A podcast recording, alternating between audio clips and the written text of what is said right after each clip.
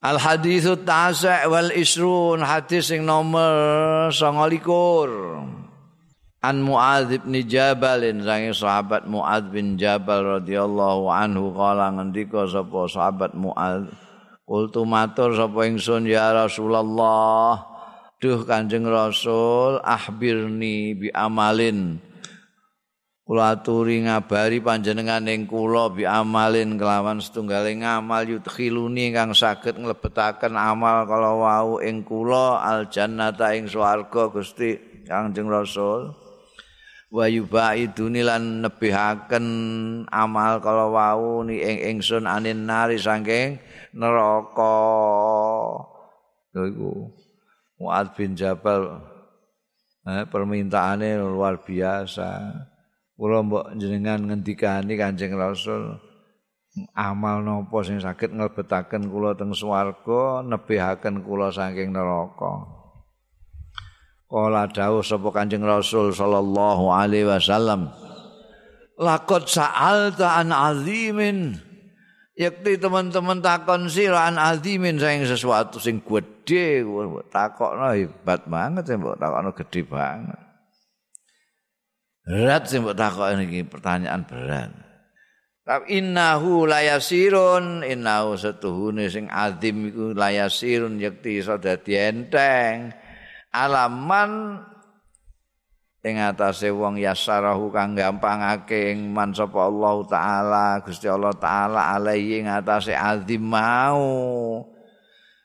Kowe iki jane takok perkara sing berat kowe. Tapi iku iso enteng menawa digampangno dientengno dening Allah taala. Ana wong kok dientengno Gusti Allah taala untuk melakukan itu amal yang bisa memasukkan surga dan menjauhkan dari neraka itu ya jadi gampang jadi enteng itu. Yasirun alaman yassarahullah taala alaihi. Napa niku takbudullah nyembah sira Allah ing Gusti Allah la tusyriku bihi ora nyekutokno sira bi kelawan Allah. Ora mbok sekutokno saean ing apa-apa.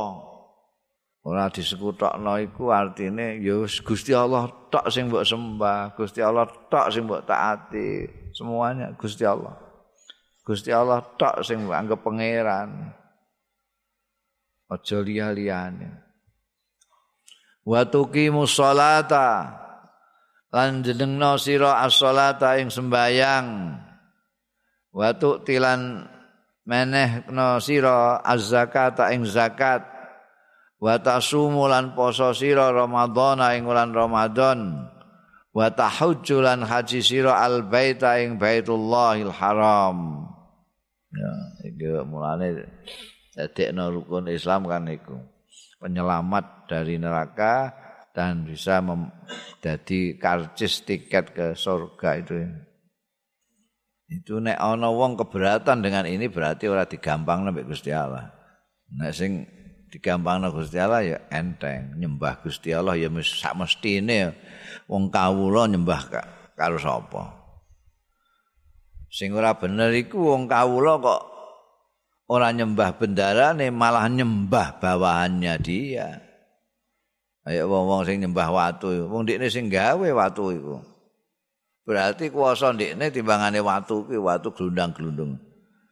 Kok saduki ya menengae. Lah kok mbok bentuk terus mbok sembah. Biyen malah zaman jahiliyah iku ana sing pakanan.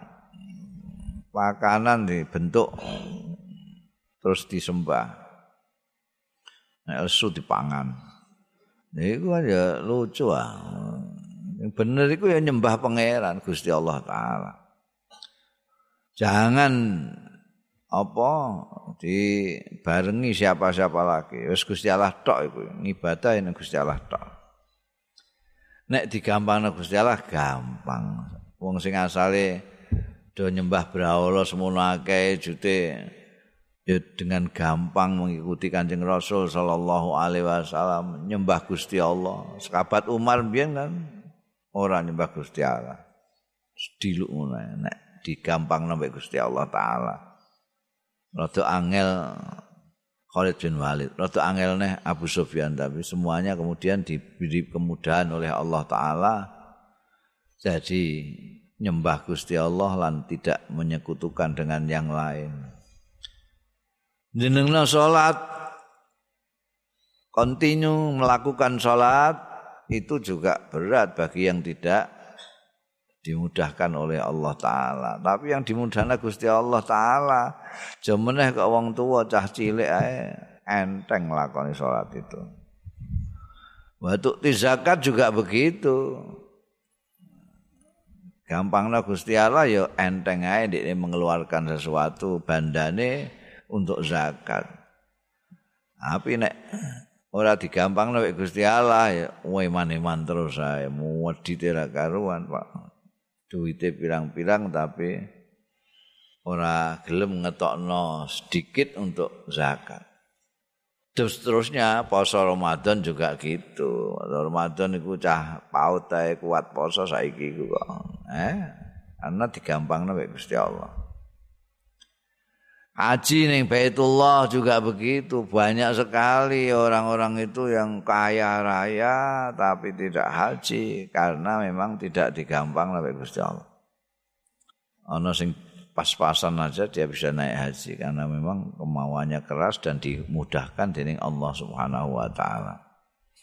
Eh siki nek mbok lakoni kowe mlebu swarga didohke saka neraka. Sumakal mongko keri-keri dawuh sapa Kanjeng Rasul sallallahu alaihi wasallam. Ala aduluka ala babil khair.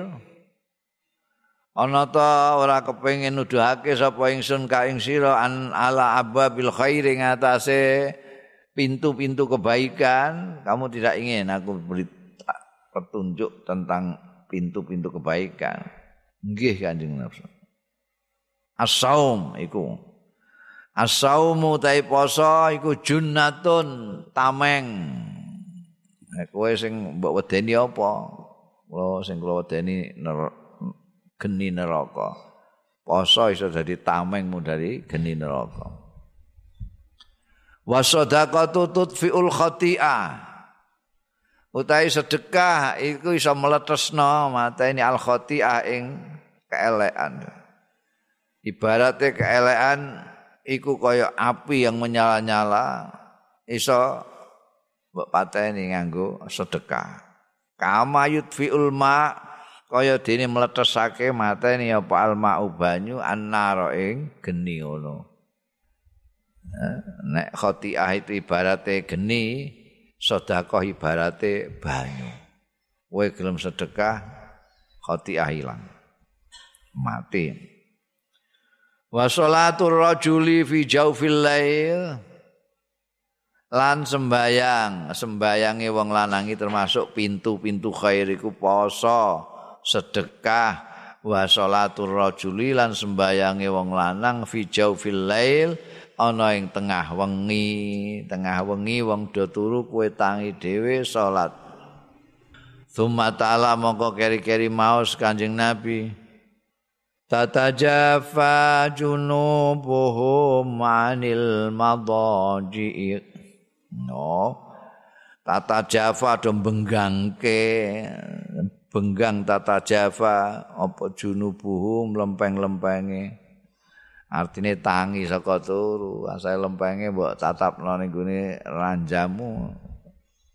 Tangi maksudnya. Anil madaji saking peturan-peturan. Kanjeng Nabi maos ngantek hatta balagha ya'malun. Sumakola mau kiri-kiri dawuh ya Kanjeng Rasul ala uhbiruka bi ra'sil amri? Pertanyaane siji tapi diparingi bonus. Ya. Ala uhbiruka ana ta ora ngandani sapa ingsun ka ing sira bi ra'sil amri kelawan? Pokoknya perkara wa amudihi lan tiangnya perkara saka gurune perkara. Wa dzirwati sanami lan puncak punu ing perkara. Kultu matur sapa ingsun bala ya Rasulullah nggih Kanjeng Rasul. Kala dawuh sapa Kanjeng Rasul sallallahu alaihi wasallam Rasul amri utawi puncak pokok ing perkara iku al Islam. Islam Islam itu pokoknya perkara. Wa amuduhu utawi saka gurune amr iku as-shalatu sembayang. Jadi Islam itu yang paling tinggi terus cagake iki sembayang. Mulane dingdikake apa jenenge man aqamaha aqamadin. Maka sakane agama salat kuwi. Wadzir watu sanawihi utawi puncak punuke amr iku al jihadu jihad memperjuangkan Islam ya anake kowe bareng iso mengikuti Islam mengikuti Kanjeng Rasul sallallahu alaihi wasallam karena perjuangannya pendahulu-pendahulumu.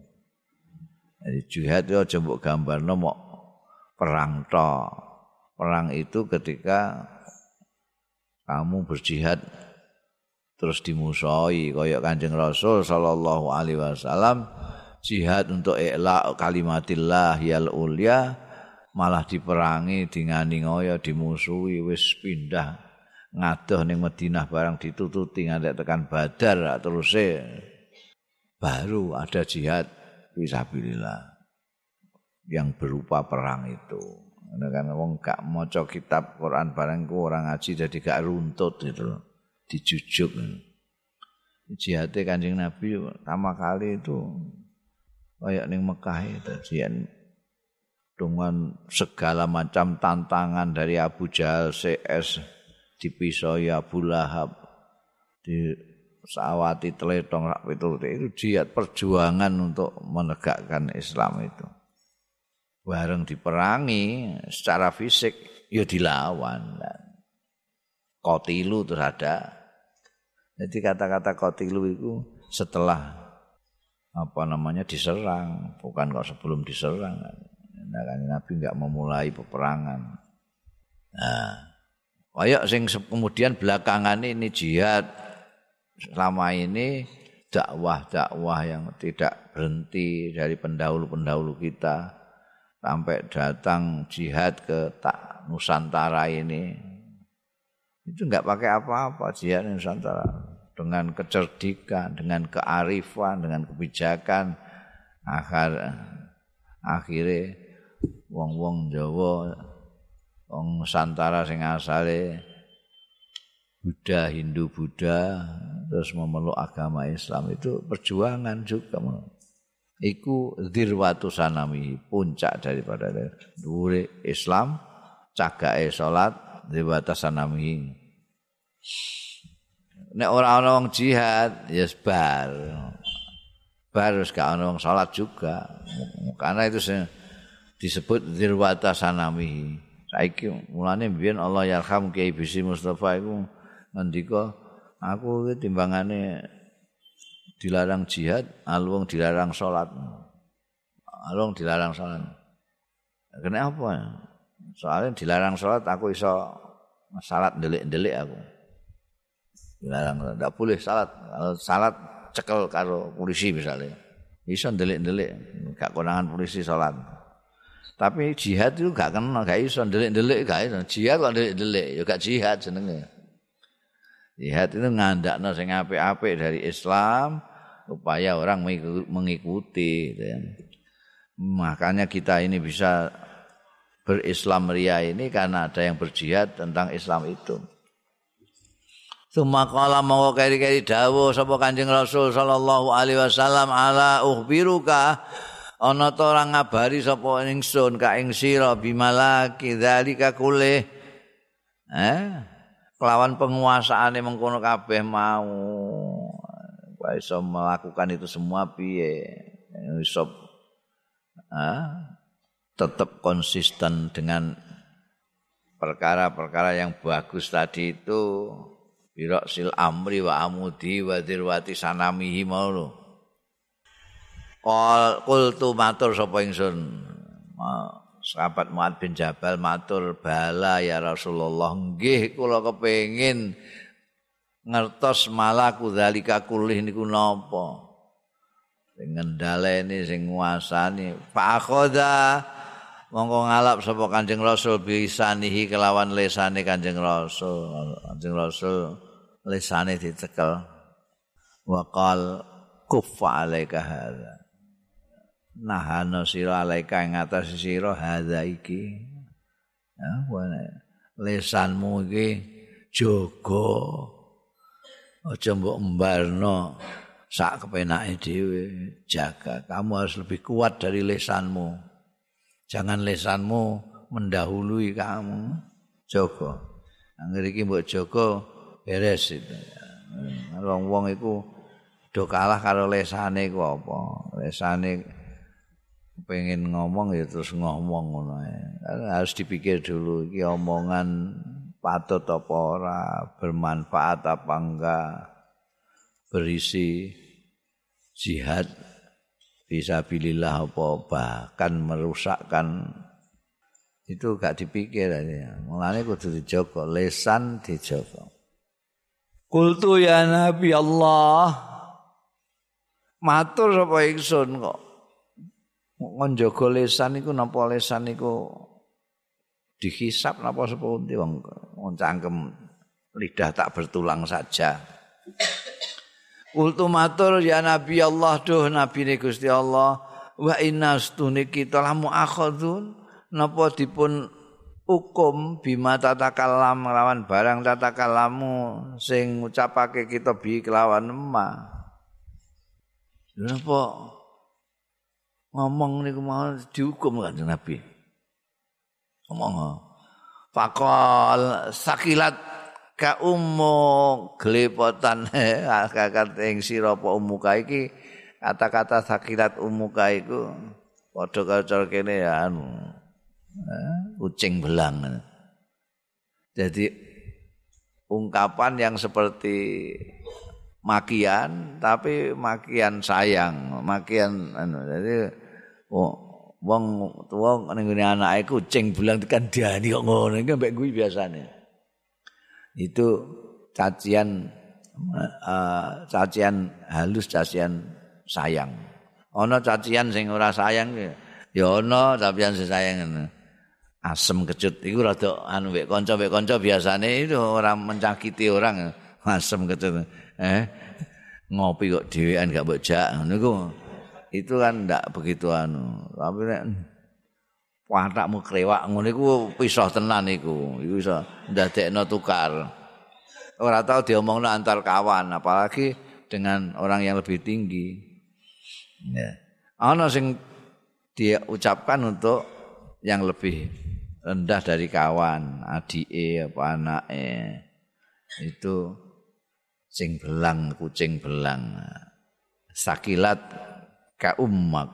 Sakilat ka ummuka sakilat ka ummuka. Nglipoti ing sira sapa ummuka. Ya gak iso muni kowe nek mbok manani ngono. Ngono. Kaitane apa kok glepotan iku? Ya mesti glepotan ngono. Wong kowe lahir saka mbokmu kok gak glepotan piye? Glepotan getah getah segala macam kowe.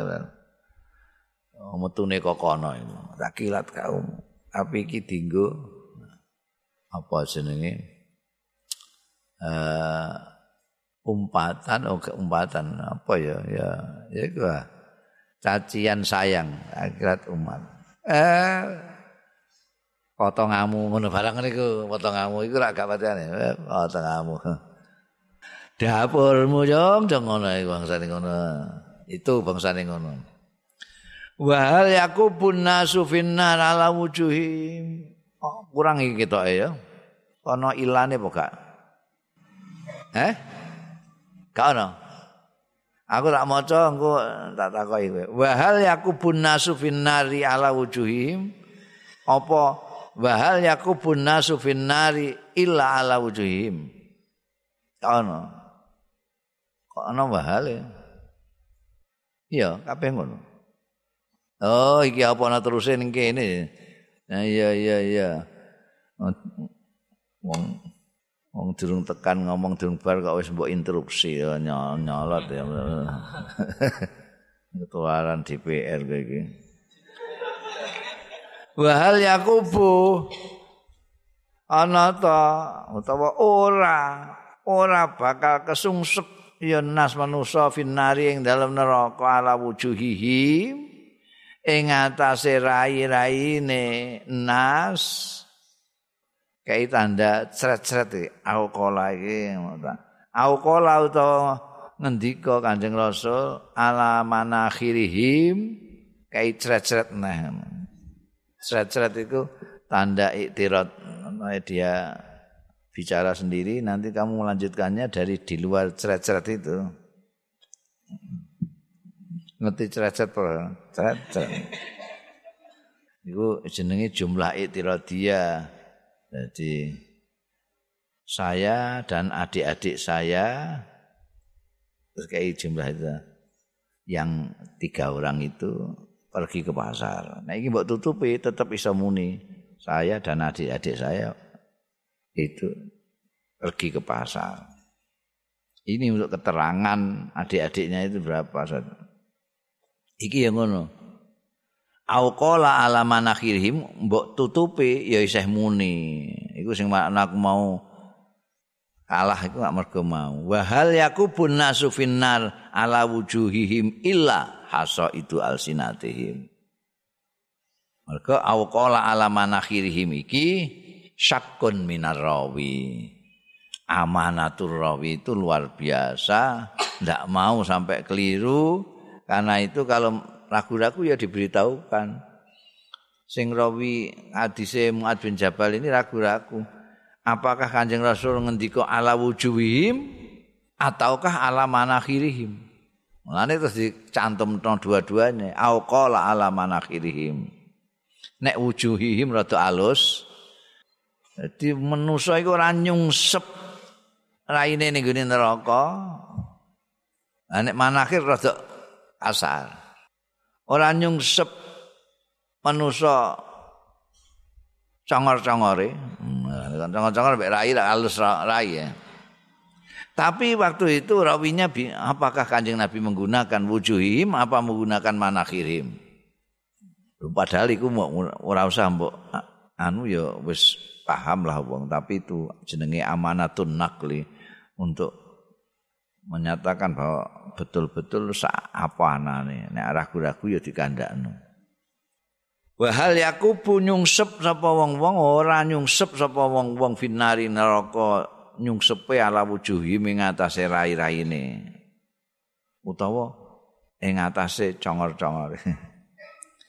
Illa hasa itu alsinatihim kejaba hasil lesan lesane nas rawahu turmizi ngriwatake ing hadis sapa Imam Tirmizi wa qala dawuh Imam Tirmizi hadisun hasanun hadis sing sahih kok mbok takokno Napa dihukum lesan niku? Wong geneman kok dihukum lho piye karemu ku?